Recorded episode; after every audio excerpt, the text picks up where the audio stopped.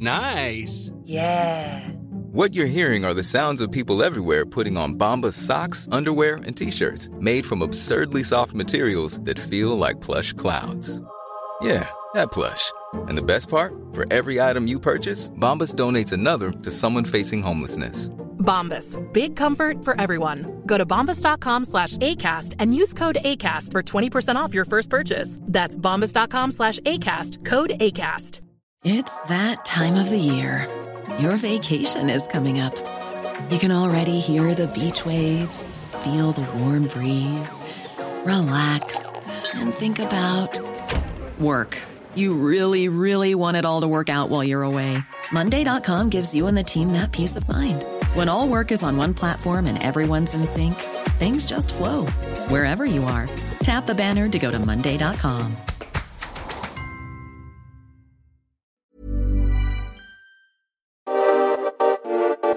Ni lyssnar på Bagge och Brobacke podcast. I 30 minuter varje vecka kommer vi ge vår syn på marknaden med fokus på pris, makro och sentiment. Välkomna! Då var det äntligen dags för Bagge och Brobacke podcast. Det är den 8 december 10.38. Avsnitt 33 är vi inne på. Trea, trea. Trea, trea, det stämmer. Välkommen David! Tack, tack. Hörru, volatiliteten fortsätter kan Ja. man minst sagt säga. Vilken återhämtning den här veckan. Sen vi träffades sist så fick vi ju nya lägsta på torsdagen och fredagen. Eh, men en brutal eh, bullish reversal här i, i eh, början av den här veckan, eller fram tills egentligen nu då. Ja, och det var ju primärt eh, tisdagen, för det var ju ett brett rally där även liksom tech eh, tog tillbaka stora delar av nedgången på en dag. Och man såg det i liksom de aktieportföljen eh, som, som jag har i liksom samtliga aktier var ju upp. Och det är ju ganska sällan, så det var väldigt bred uppgång. Liksom. Och inte bara Styrka. på aktiemarknaden utan räntemarknaden som i fredags eh, var på väg att braka eh, ordentligt. Ja. Vi hade ju liksom, eh, vi var under en fyra i 10-åringen, 30-åringen hade kommit ner ordentligt, eh, såg faktiskt riktigt, riktigt dåligt ut. Även där så fick vi en riktig sån vändning på håret Mm. eh, och ser nu eh, kanske inte eh, liksom att faran helt är över, men det ser ju betydligt bättre ut i alla fall får man säga just nu när vi spelar in. Eh, men vi, vi, vi kommer väl in, komma in här på, på, på lite mer detaljer, men jag tycker eh, det, det får vi ändå ta med oss att styrkan i återhämtningen här de här dagarna, eh, både aktier och räntemarknaden, men återigen, jag måste ändå slå på den. Vi har haft nu två veckor i rad där veckorna stänger extremt svagt. Mm. Eh, och det vill vi inte se den här veckan. Nej, och där kommer ju fredagens liksom, amerikanska inflationssiffra för november spela ganska stor roll för, för eh, fredagens rörelse och därmed också veckoclosen. Eh, kommer 14.30 svensk tid. Väntat 6,8 procent upp för månaden year on year. Det är ju den högsta printen sedan 80-talet. Och skulle den, säga att den överträffar förväntan och kommer in liksom 7,5 eller 8 eller något sånt där riktigt eh, brutal spikar rakt uppåt. Ja, då kommer det förmodligen eh, krypa in lite oro igen då inför. Och sen har vi då optionslösen veckan efter, fredagen efter. Eh, så att i så fall så skulle vi kunna få den som vi pratade om förra veckan, studs den här veckan, som i och för sig blev jäkligt stark då i tisdags här, men ehm, och sen i så fall tror jag, men jag ska komma tillbaka till det, men då i så fall tror jag vi har liksom, jag tror botten är satt, men vi kan ha en, en, en runda ner nästa vecka då, som gör någon form av än bättre köpläge i så fall. möjligtvis. Innan vi går igenom eh, vad, vad vi har gjort och Mm. vad vi ser framåt, ska vi ta lite en, eh, en eh, recap Ja. på... Det, det har ändå varit en, en hel del eh, ja, intressanta saker Mm. som har hänt. Och mycket, mycket kommunikation va? Från, från Fed som tror jag har förvånat många. Mm, ja, det var väl eh, kanske framförallt veckan innan, men det som har hänt generellt eh, från liksom förra podden fram till den här podden, det är ju som du säger, volatila marknaden förra veckan, eh, negativt gamma i marknaden, stort säljtryck, eh, short interest, alltså blankningspositionerna positionerna på HYG ETFen, alltså high yield, och den här liquid ETFen nådde ju all time high i fredags. Eh, sen dess har de då inte gjort några nya lägst, utan snarare liksom rätt fina reverses på uppsidan. Så det är liksom, det är sällan när alla tror att det ska braka igenom som det kanske gör det heller. Eh, men... och, och, naturligt att det såg ut så i fredags, för att som vi just mm, nämnde, ja, bröt ju ner det. räntorna var ju extremt ja, nära på att balla ur. Så, ja, så är det. Så är det. Eh, men nu är vi då tillbaka i positiv gamma. Eh, så länge vi behåller den positionen så borde liksom volatiliteten lugna ner sig eh, ordentligt. Men som sagt, senast fram till igår var det ju fortsatt bra volatilitet och framförallt handelsvolymen i USA har ju varit påtaglig om man tittar på SPY-ETFen och så volymmässigt där har det ju senaste 5, 6, 7 dagarna har ju varit mycket, mycket, mycket högre än, än, än normalt. Eh, fredagen då som, som eh, makromässigt förra veckan. och fredagen kom någon från Payrolls in. Väntat var ju 550 000 personer för eh, november. Kom in på 210 000. Eh, och det var ju ytterligare en, en, en kalldusch. Månaden innan var det ju faktiskt överträffa estimaten, men vi minns ju siffror från typ augusti, september, kallduschar, oktober var bättre, november kom in en kalldusch igen. Däremot så var ju eh, arbetslösheten eh, något eh, liksom lägre, än, lägre än väntat och så gjorde ju siffran lite lite svårtolkad. Men det blev väldigt stora rörelser och vi stängde ju day low på i USA där på fredag. Eh, men eh, det repade sig över helgen och eh, vi öppnade inte speciellt farligt i, i måndags i, i Europa. Då. Ehm, det som har ehm, det som vi pratade om förra veckan som utgjorde liksom ett hot på kort sikt, det var ju tech och tillväxt som har eh, kommit under, under, eh, under press, helt klart. Det är mycket jag tycker att det ser ut som, och läste även en rapport på det, att det är mycket liksom position cleaning från olika hedgefonder och, och strategier generellt. Eh, där man tar det säkra för osäkra och eh, säljer ner mycket sånt där man kanske har legat övervikt också. Eh, skydda årets performance. Ja, skydda årets performance. För det, det, väger ju in i att vi liksom bara har två, tre veckor kvar på året, att det blir den här extra typen av slag. Eh, jag tror inte det hade varit kanske samma, samma stök om vi hade varit i, i januari nu, liksom, för då har ju folk 12 månader på sig att, att, att, att uh, ta positioner och så vidare.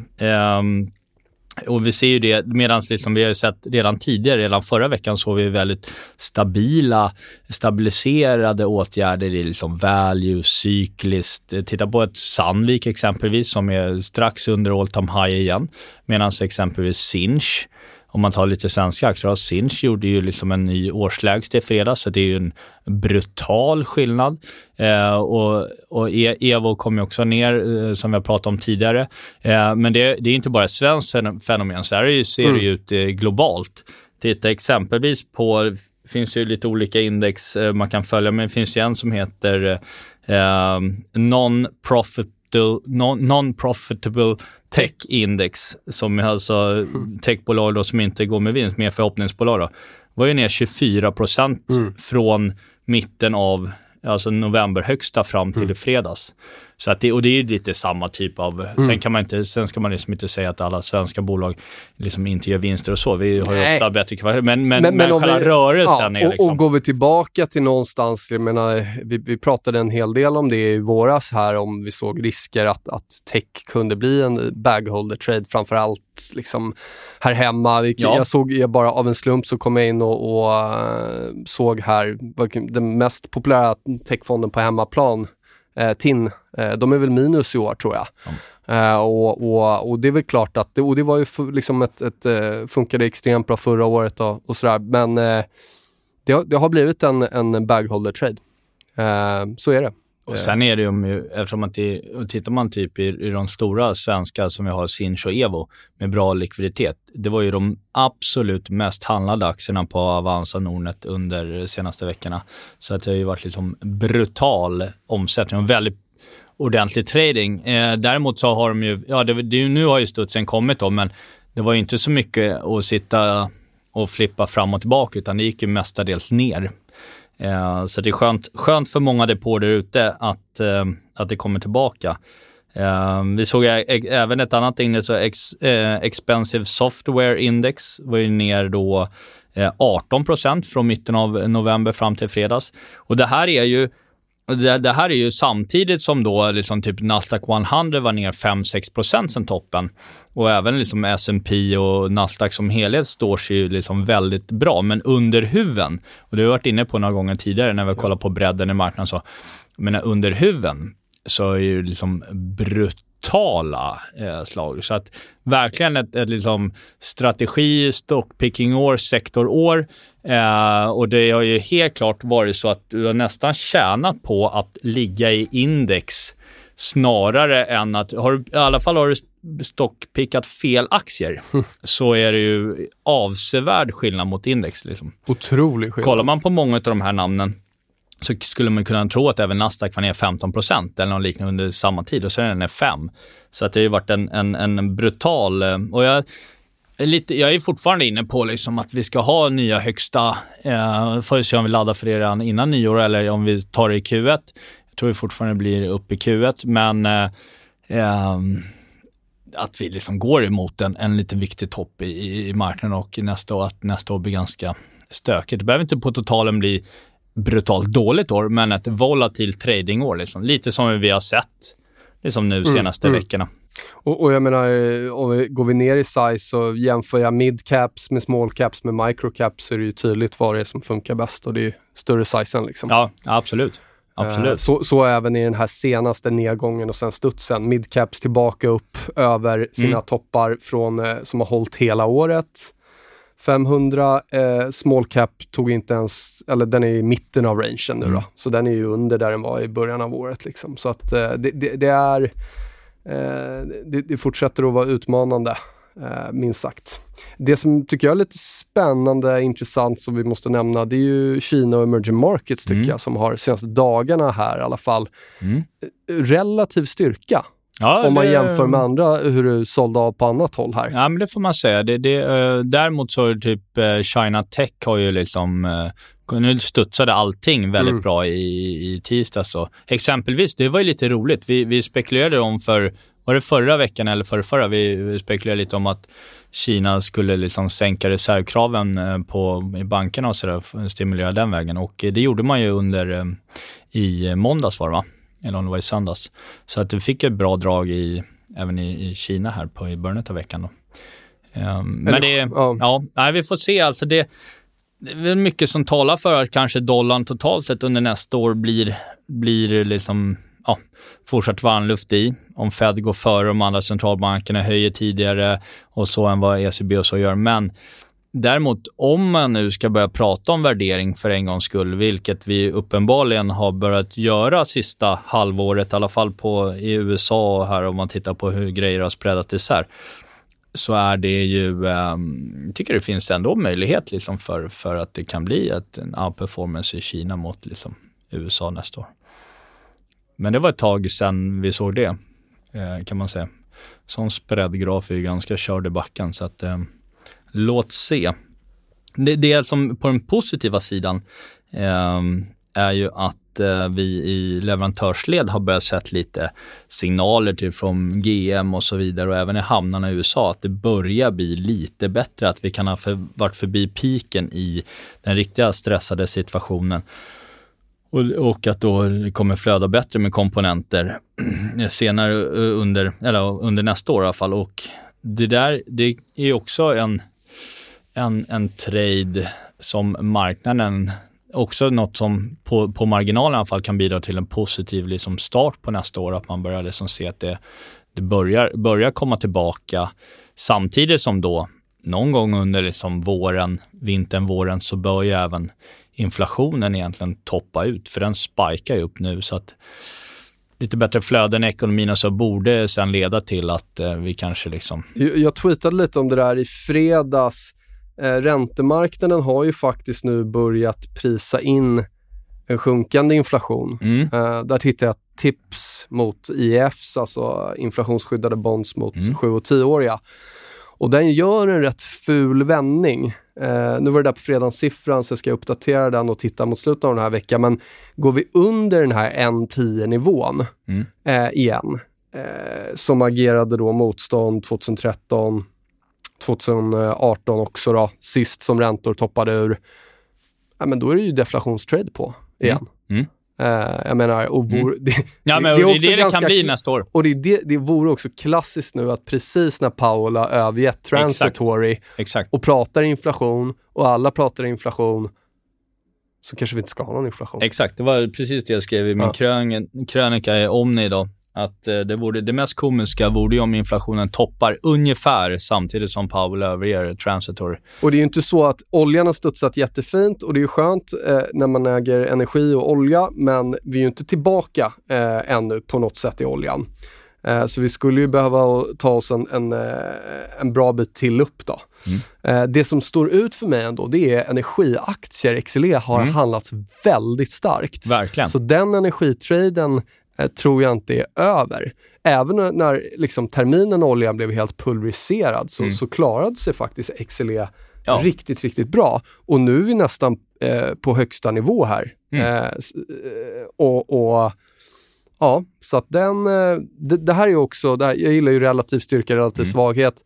Titta på i de här stora rasen, vad höll ihop bra? Exakt. Det jag kunde läsa ut var energi och utilities då, då som också är en, en defensiv trade, Mm. vilket skulle kunna tala för att eh, nästa år skulle kunna gå i de defensiva tecknena. Mm.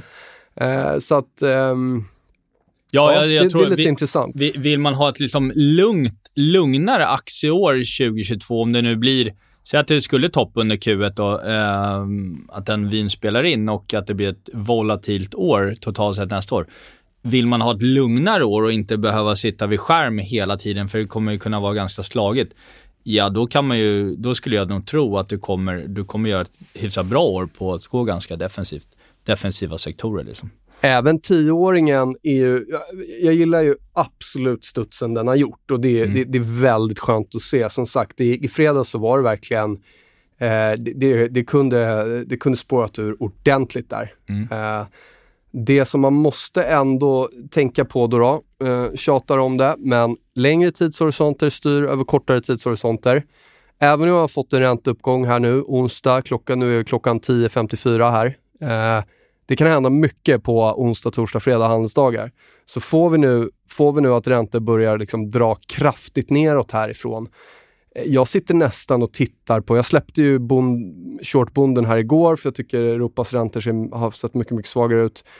Jag sitter nästan och tittar på att köpa tioåringar här om, om vi hamnar under en fyra igen. Eh, du, du, du har liksom du har, du har en 3 uppsida i obligationen, 2,5-3 uppsida bara för att ta oss upp och testa nivåerna från i somras. Liksom. Eh, jag tror att det skulle kunna vara en, en riktigt bra hedge eh, och det, det hänger ju ihop med då, då om inflationen inte blir någon inflation. Då vill vi äga I alla en, fall en att tioåring. deltat är, är, negativt Ja. sen under Ja. nästa år. Eh, Att trenden vänder i den tips-IF-relationen. ja, Så ja. Eh, tioåringen eh, faktiskt sitter jag och tittar på att köpa, eh, det vill säga ett bett på nedåtgående räntor om, om det här, om det börjar gå ner nu här eh, mot slutet av veckan. ja, det kan vi säga till lyssnarna. Skulle förra veckans lägsta var ner på 1,30, vad var det ner på 1,37 eller 6, Mm. något sånt. Skulle den brytas, egentligen oavsett när det skulle ske då, eh, det, borde, det skulle signalera en ganska liksom, risk-off eh, Mm. generellt i Mm. Ja, jag säger en fyra, det är breda Ja, penseldrag, ja, men liksom, ja. vi vill inte sen bryta etablering där nej, under. Det skulle nej. vara det, det, det, reverserar ju allt vad, vad, vad jag har tänkt om in- inflationstrades och, och allt det där. Så är Nej, det. men den, är- det, det är nog förmodligen så att eh, liksom reflationsinflation, den är ganska långt gången. Mm. Vi såg ju när vi pratade om den här Bank of America-rapporten, var det någon sektor som folk hade överviktat under november så var det ju banker. Liksom. Och det, det är Mm. nog ganska, när man tittar på hur starkt bankerna liksom gick upp under året in i november, alltså de var Just. ganska sen på pucken. Ja. Eh, Och det var det jag kände här. Jag skalade ju av eh, två tredjedelar av min bankexponering här Mm, igår på mm. stängning, för det hade gått så extremt snabbt upp. Mm. Men däremot så, i, som, som jag sa, så var banker mycket segare att komma tillbaka. Så jag har kvar lite banker, jag äger fortfarande 5 men, jag, men jag tycker inte att den fick alls samma, samma svung i som, som, som andra grejer som jag äger. Nej, och det kan väl mycket vara så att eh, den, den eh, toppen vi såg i tioåringen var uppe på 1,77 något sånt va, med procent Mm. här i november. Det kanske, det kanske är mer viktigt topp än vad man Jag hade ju liksom trodde vi skulle upp i Q1 på så här 2 till 2,3 procent. Det kan ju fortfarande hända, men då måste vi ta ut den här gamla, gamla hajen i så fall. Men, men det är mycket möjligt att så länge vi inte gör det så, så är det ju liksom en mer viktig, eh, viktig, möjligtvis en mer viktig topp i räntan där. Om nu räntor ska uppåt härifrån och att N4, att det var återtestet och vi ska börja dra uppåt och vi ska Mm, upp till 2 mm. och vi ska mot upp mot 3. Då tycker jag snarare att råvarutraden ser mer spännande ut. Mm. Den höll faktiskt ihop eh, ganska bra i den här eh, bäsen som har varit. Alltså. Ja, oh ja. Och, Eh, eh, tittar vi på koppar och basmetaller och eh, agriculturals och lite sådana grejer och energi som vi nämnde just nu, okej, just oljeterminen blev ju rejält smäckad men, men andra råvaror höll upp ganska bra så att eh, jag vet inte, jag tror att Titta på en, vi sitter och kollar här nu på eh, S&P 500 mot eh, CRB-index som är ett brett råvaruindex. Och jag tror att kan vi stanna under 20 i den där relationen, då, då ser ju nästan råvaror attraktivare ut än aktier Mm. going forward faktiskt. eller då råvaruaktier. Ja, jo, Eh, absolut. Men eh, nej, och jag såg Mm. något index på koppar eh, miners, alltså själva aktierna eh, globalt. Och där eh, bröt ju upp till en, liksom, genom en, genom en flera veckors konsolidering, bröt ju upp ordentligt eh, förra veckan. Så att det är, eh, och det ser man även här hemma. Eh, såg ju en, en, en dag som tisdagen, både Bol- Boliden som har hållit upp väl, gen- som du säger, genom, genom bäsen gick upp 4 i, i tisdags och Lundin Mining var, stängde väl upp nästan 7 i tisdags också Mm. hållit upp liksom bra jämfört med mycket annat. Så att, Ja, men bara, exakt, bara jämför industrials då, mot small cap så ser man ju liksom att, eller ta materials eller så här. mm, mm. Du ser ju att det, köpare är ju snabba tillbaka där. Ja. Men ska vi prata lite om, för du sa det, det var extremt stora flöden inåt i den här kraschen och folk var väldigt bäsade i slutet av förra veckan. Men vi har också sett extremt stora flöden in nu. Eh, Ja, eh, både ska man- enskilda aktier, ETFer, optionssidan. jag, tror, jag tror i och för sig att Mm. en del av de flödena också är short covering från, från förra veckan. Men eh, Så är det säkert Ska man- garanterat. ska Annars man- hade det nog inte gått så snabbt upp här. Nej, alltså tisdagens börsrörelse var ju en short, en short squeeze-rörelse. Eh, liksom, det är ju ofta det när du får den här vollen starkt ner, folk ligger med säljoptioner, stänger säljoptionerna, eh, dealers måste börja köpa, eh, köpa exponering igen ehm, och jaga börsen uppåt. Eh, så att, ehm, men tittar man på sentiment, om vi ska börja med sentiment då. Så förra, förra veckan så hade vi ju eh, Investor Intelligence Bullish Consensus. Det är alltså vad eh, aktiva managers tycker, eller advisors eh, ser eh, för framöver för börsen. Då.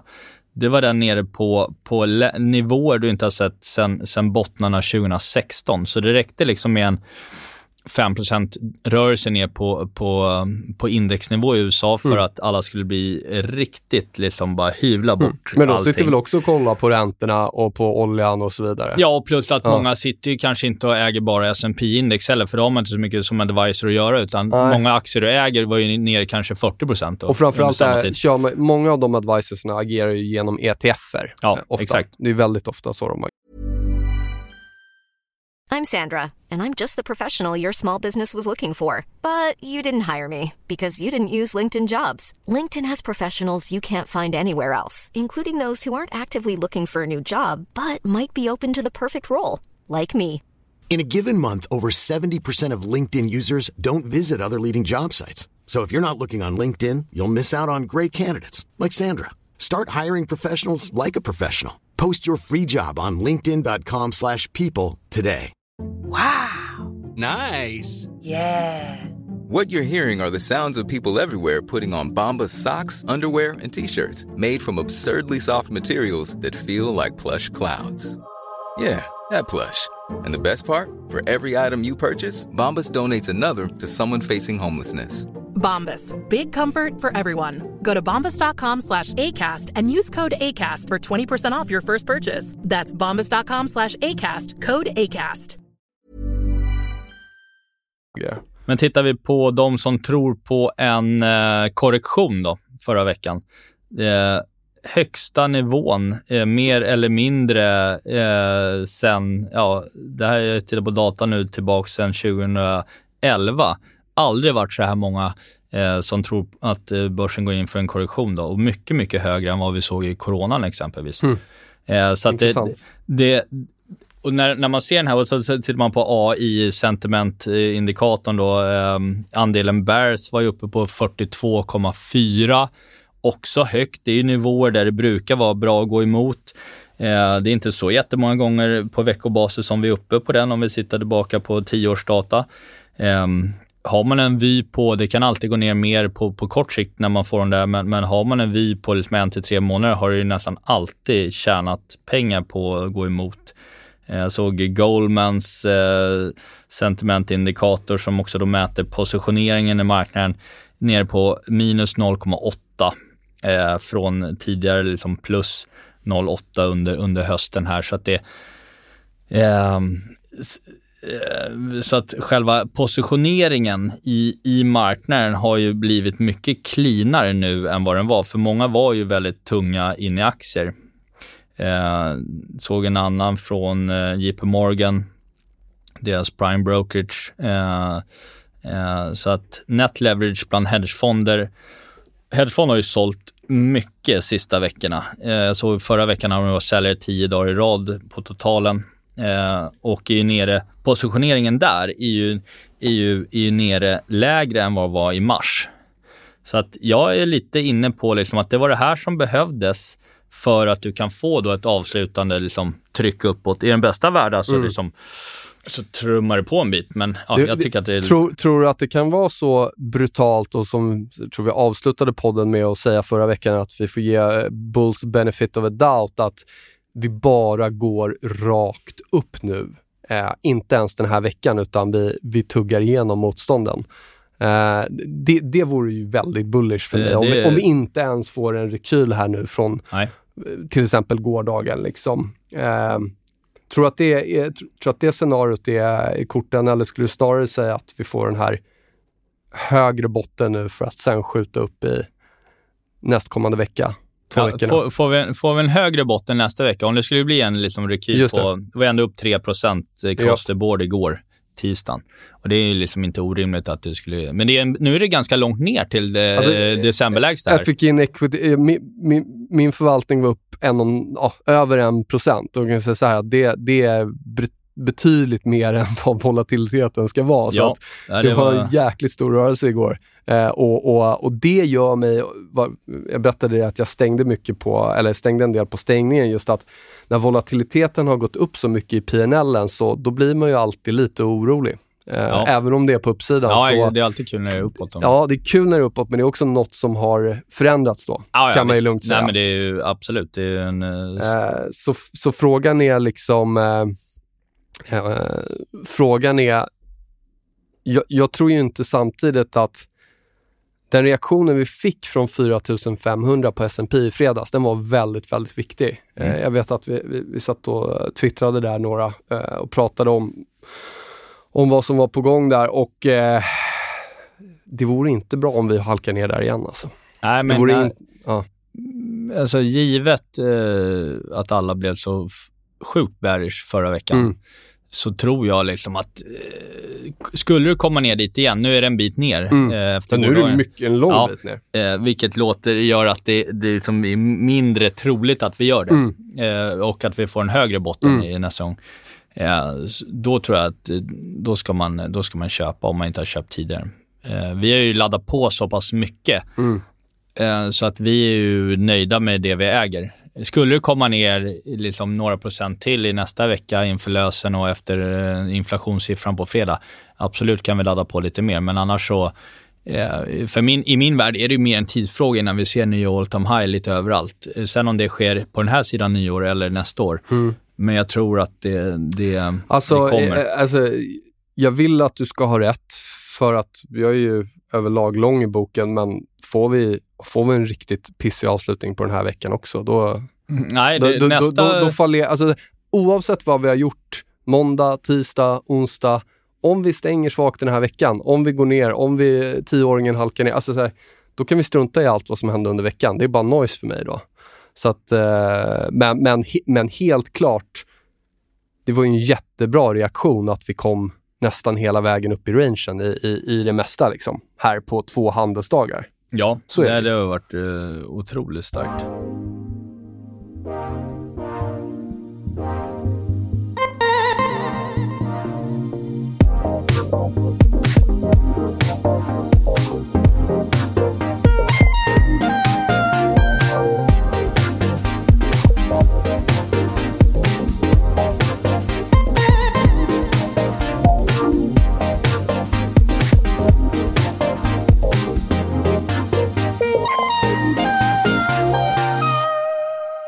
Ska man nämna någonting om, eh, jag lyssnade på, det börjar komma lite ordentliga outlooks för 2022.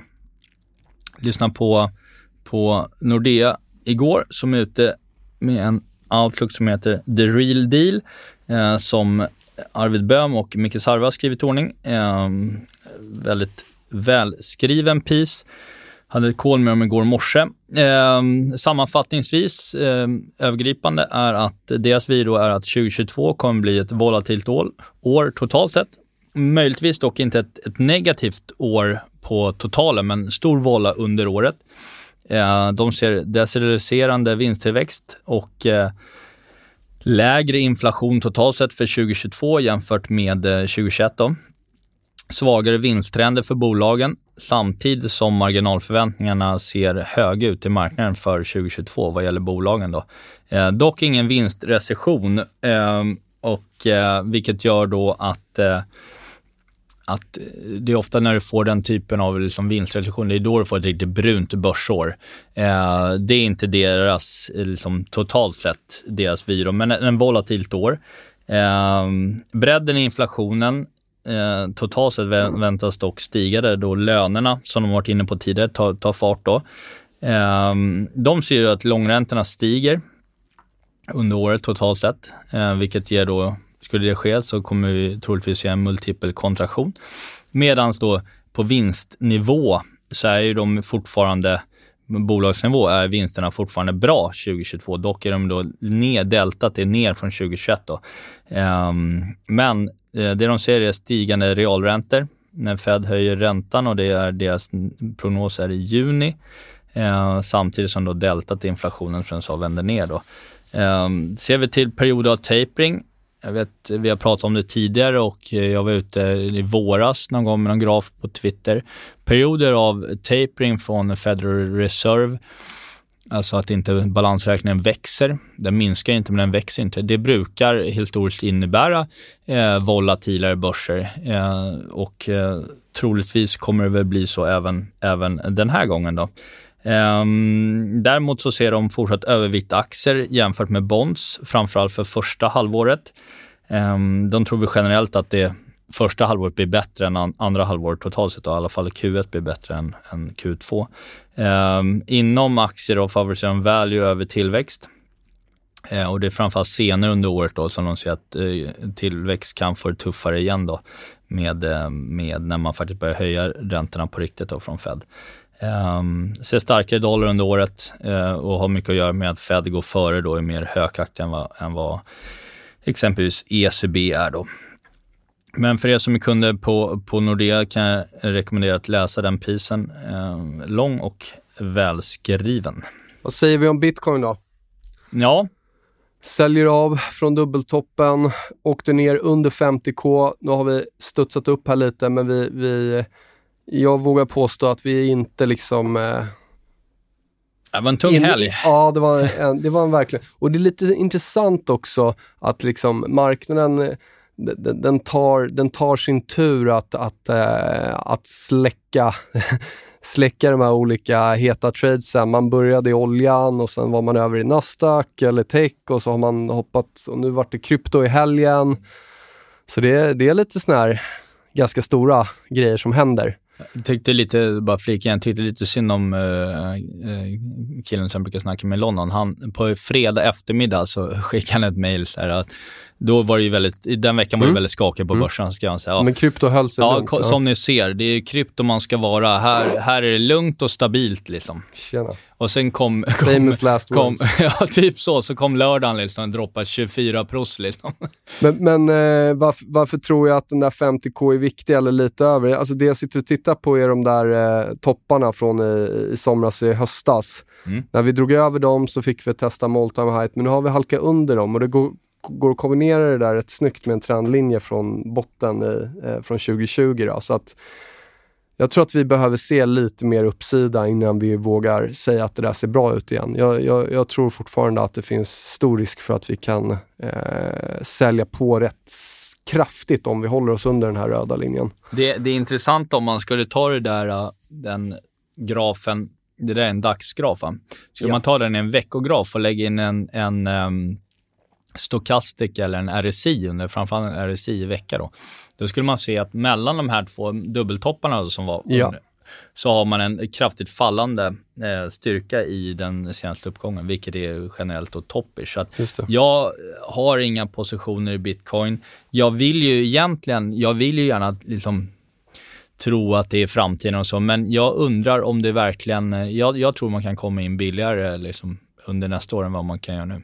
Faktiskt. Ja, exakt. Nej, jag tycker att den behöver... Jag det tror en- bitcoins tid kommer komma igen, Ja. men frågan är från vilken nivå. Jag har ingen vy vart den ska på lång sikt, men, men på kort sikt så vill jag i alla fall ha upp den ett par tusen dollar för att det här ska se bättre ut. För just nu så är den verkligen på skiljelinjen och, och ja, jag köper den hellre lite högre upp när vi är Mm. på väg att bryta upp i all time high än att köpa den precis på trendlinan, precis på liksom stödet. Nej.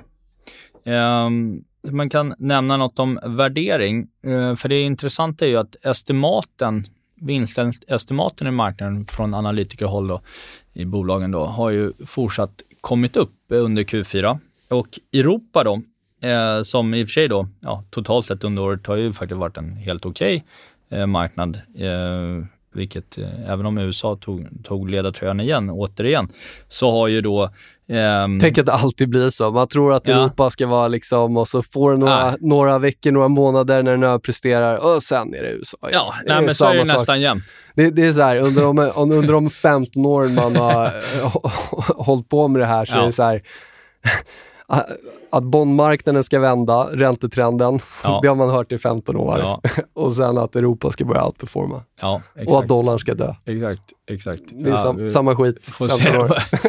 Man tror på det själv ibland också och sen så vaknar man det. upp igen. Ja, exakt. Nej, men eh, då, det, eftersom estimaten har kommit upp då, så gör det då att eh, P talet har kommit ner och eh, ligger nu faktiskt på, för Europa, Eh, helt på average eh, på 15,5 gånger vinsten för eh, kommande 12 månader och det är precis vad man har legat på som average eh, sedan 2015.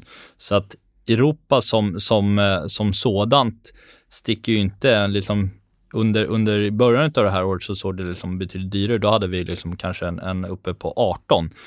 Men, men eh, har ju kommit ner nu. Sen är det ju alltid som med vinstestimat, det går ju ganska snabbt att revidera ner dem igen. Så att eh, det här med värdering, att bara handla på värdering tycker jag liksom, det är inte det som du och jag håller på med och jag Nej. tycker det är liksom vanskligt.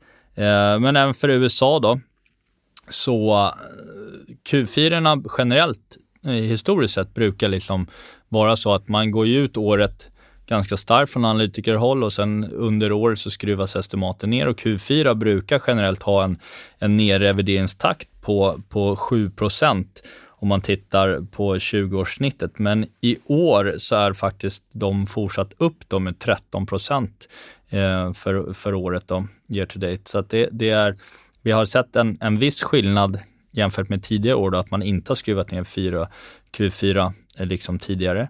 Eh, även, eh, även eh, estimaten eh, för 2022 är upp då 14 procent eh, och eh, även där då brukar man liksom historiskt också börja liksom skruva ner när man ser att det inte riktigt eh, eh, hugger i. Men, men i år så har man inte gjort det, vilket gör att Ja, nu har ju börserna studsat bra den här veckan, men, men, men eh, på totalen annars så blev ju börserna billigare under förra veckan än vad, än vad det var tidigare. Då.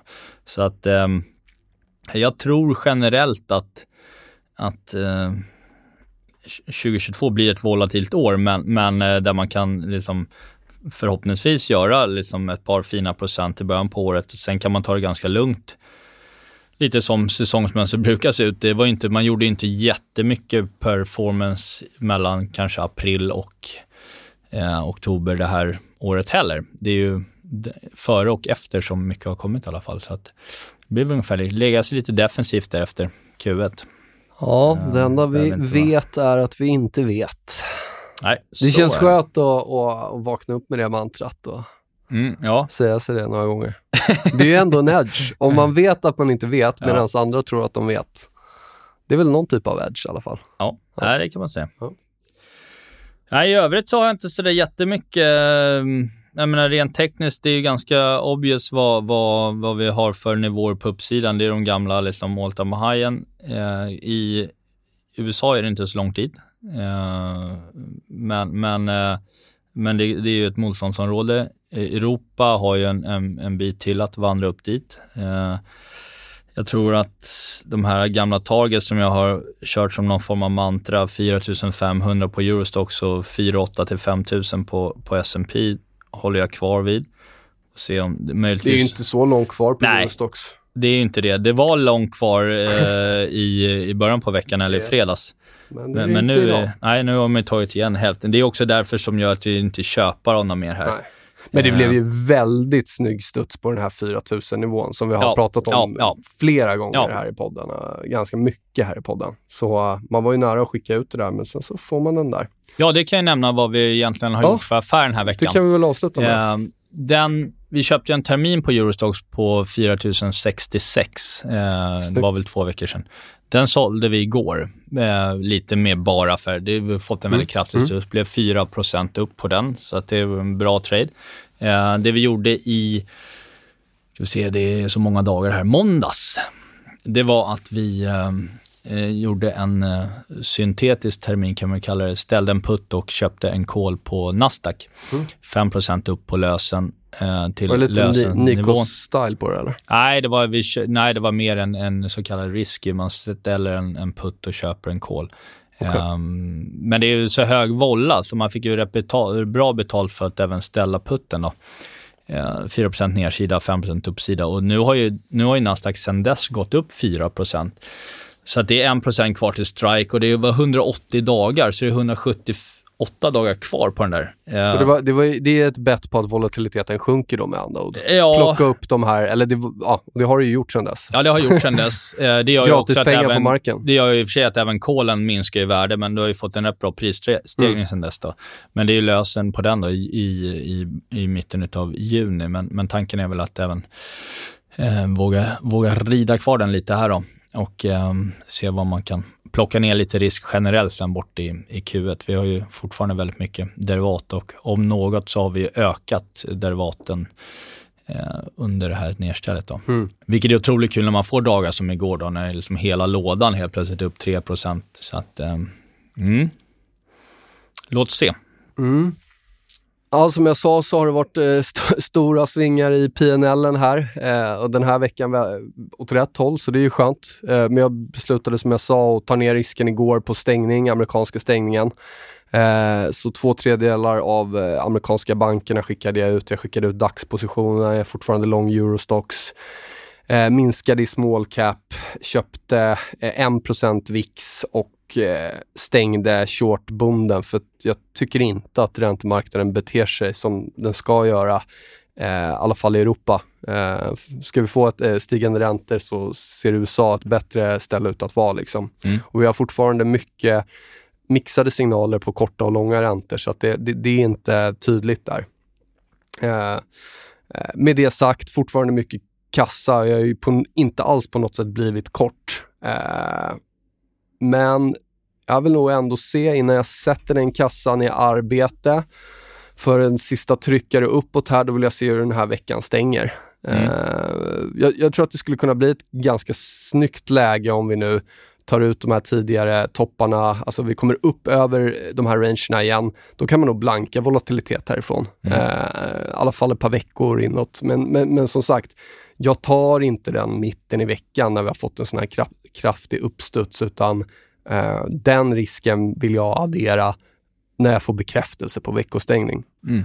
Nej, det Eh, låter som, som jag sa, liksom, PNL eh, var upp över 1% igår och det Ja. är för hög volatilitet för jag Ja. har kommunicerat med mina investerare. Så. Ja. Sen är det skönt att det är på uppsidan, men, men liksom det är, eh, jag vill ha en lite mer smooth ride ändå. Mm. Ja, och det är mycket möjligt att om det inte blir en jätteavvikande inflationssiffra på fredag så är det ju inte helt. Och nu är vi redan nu i positiv gamma. Så att, och det kan vi halka ner under. Det kan ju bli riktigt stökigt efter fredagen och in i lösen nästa vecka. För, att- men sen kommer mycket puttar. Det är väldigt stor lösen på, på, i december här, den 17. Eh, och då kommer i så fall, då kommer vi gå in i ett, skulle det så ske sen, så går vi in i ett mer lågvolatil miljö där det liksom mer grindar uppåt i så fall. Det är en seg, seg bull. Där, där, är ju, där är ju ganska optimalt läge i sånt fall att stoppa på en, en, blankning av VIX till exempel, skulle kunna vara. Ja, det är Det- absolut, för ja. då kommer den sjunka undan. Ehm, men låt se, det, det blir väldigt, eh, kommande veckan blir väldigt eh, spännande. Och ehm, det kan finnas ett, ett final leg på nedsidan. Det är inget man, jag har inte räknat bort i alla fall. Även om då gårdagens rörelse var faktiskt bred som tusan och ehm, styrka cross the board. Då. Men, Ja, verkligen. Ja, men, jättebra och jättekul att jag tror så- botten så är inne tror jag. Ja. Jag tror inte vi bryter några, jag tror inte, då, skulle vi bryta bottnarna, eh, både liksom eh, Europa och framförallt Europa kanske, eh, så då skulle det, det, skulle förvåna mig. Ja, nej men det, det, det, då är det redan scenario, men det är inte min utgångspunkt. Oh, Ja. Skönt att vara lite positivare den här Ja. veckan. Får vi se om det håller i sig till nästa vecka eller om, vi, om man sitter här och bäsar igen då. Ja, men du, ska vi avsluta med säsongsmönstret?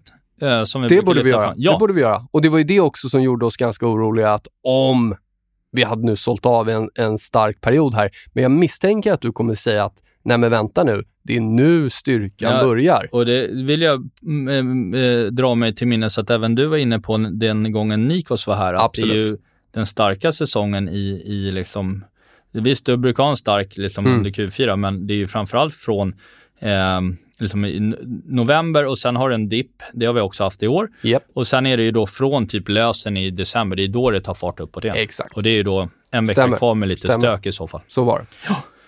Ja, bra. Det var alldeles för idag va?